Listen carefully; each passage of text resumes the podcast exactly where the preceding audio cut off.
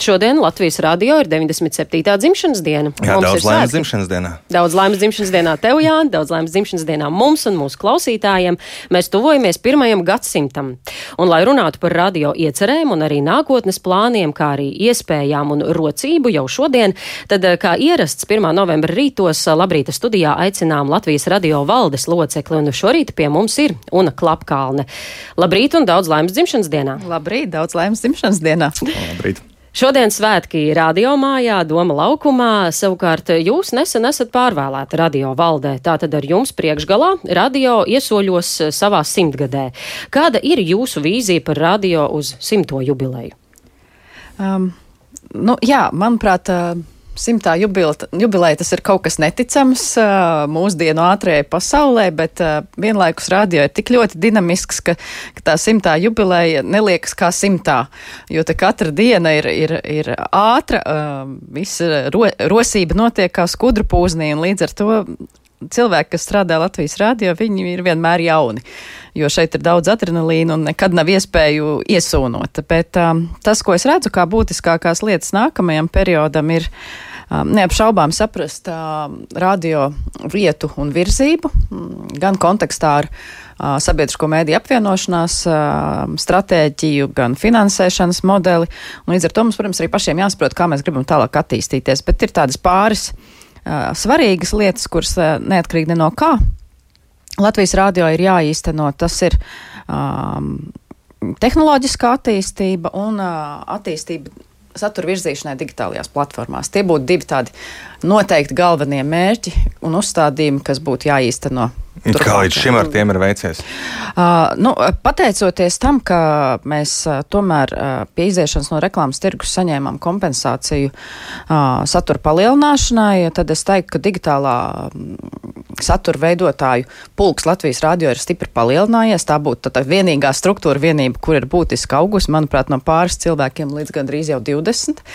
Un, un tas arī, es ceru, ka ir redzams gan tad, kad tiek filmēti raidījumi, gan krustpunktā, kas iet no arī Latvijas televīzijas skatītājiem pieejamā formātā, gan arī dažādi, dažādos, dažādās platformās. Es domāju, podkāstu attīstība ir ļoti, ļoti būtiski pavirzījusies uz priekšu, un viss mūsu saturs ir pieejams arī, dzen, arī dzen šādā formātā. Jaunā aplikācija, kas mums šogad ir, ir, ir, ir, ir kļuvusi pieejama klausītājiem. Tā kā es domāju, ka tādā ziņā mēs esam daudz izdarījuši arī no tehnoloģiju viedokļa. Katru gadu tiek renovēta vismaz viena studija mūsu Covid pandēmija pārsteidza nesagatavots tādā izpratnē, ka mēs bijām pieraduši strādāt Latvijas radio mājā iekšienē kā cietoksnī, un tagad mēs visi varam strādāt jebkurā brīdī, jebkurā vietā. Tā kā tās ir tās izmaiņas, kas ir noteikti notikušas, bet, bet nu, tehnoloģijas virzās tik ļoti ātri uz priekšu, ka mums tur ir jau daudz vēl ko darba, ko darīt. Tehnoloģijas parasti nozīmē arī diezgan pamatīgus naudas ieguldījumus, un, un, un nevarētu teikt, ka radio būtu tā parasti bagātākā iestāde. Uh, Kā, kā, kāda ir no. finansiālā situācija, ņemot vērā visu energoresursu cenu kāpumus un tam līdzīgi? Protams, ka mēs uz to skatāmies ar bažām, bet, bet, bet arī ar cerību, ka tomēr valdība arī sadzirdēs, jo šajā gadījumā mums atšķirībā no televīzijas viss mūsu apraides izmaksas ir Latvijas radio budžeta sastāvdaļa, un tieši tur elektrības sadārdzinājums ir vislielākais. Tur mēs lēšam, ka mūs sagaida ap 800 tūkstošiem izdevumu papildus, tas ir skaidrs, ka to mēs nevaram atļauties paši no saviem līdzekļiem. Tā kā es ceru, ka ka, ka tam, tam tiks atrasts risinājums valdības un saimnes līmenī.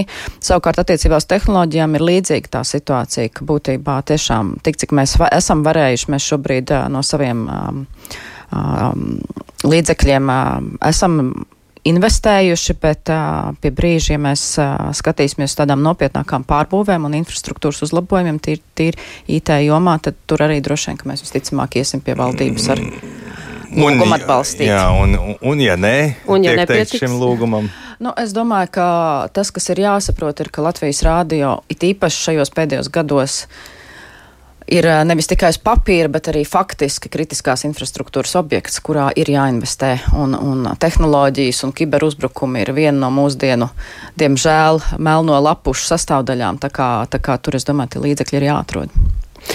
Jā, nu nesen tapis arī pētījums par sabiedrisko mediju, sabiedrisko labumu. Kā to var īsumā raksturot un secināt Latvijas radio? Kāds ir tas mūsu sabiedriskais labums, ko mēs sniedzam un ko no mums sagaida?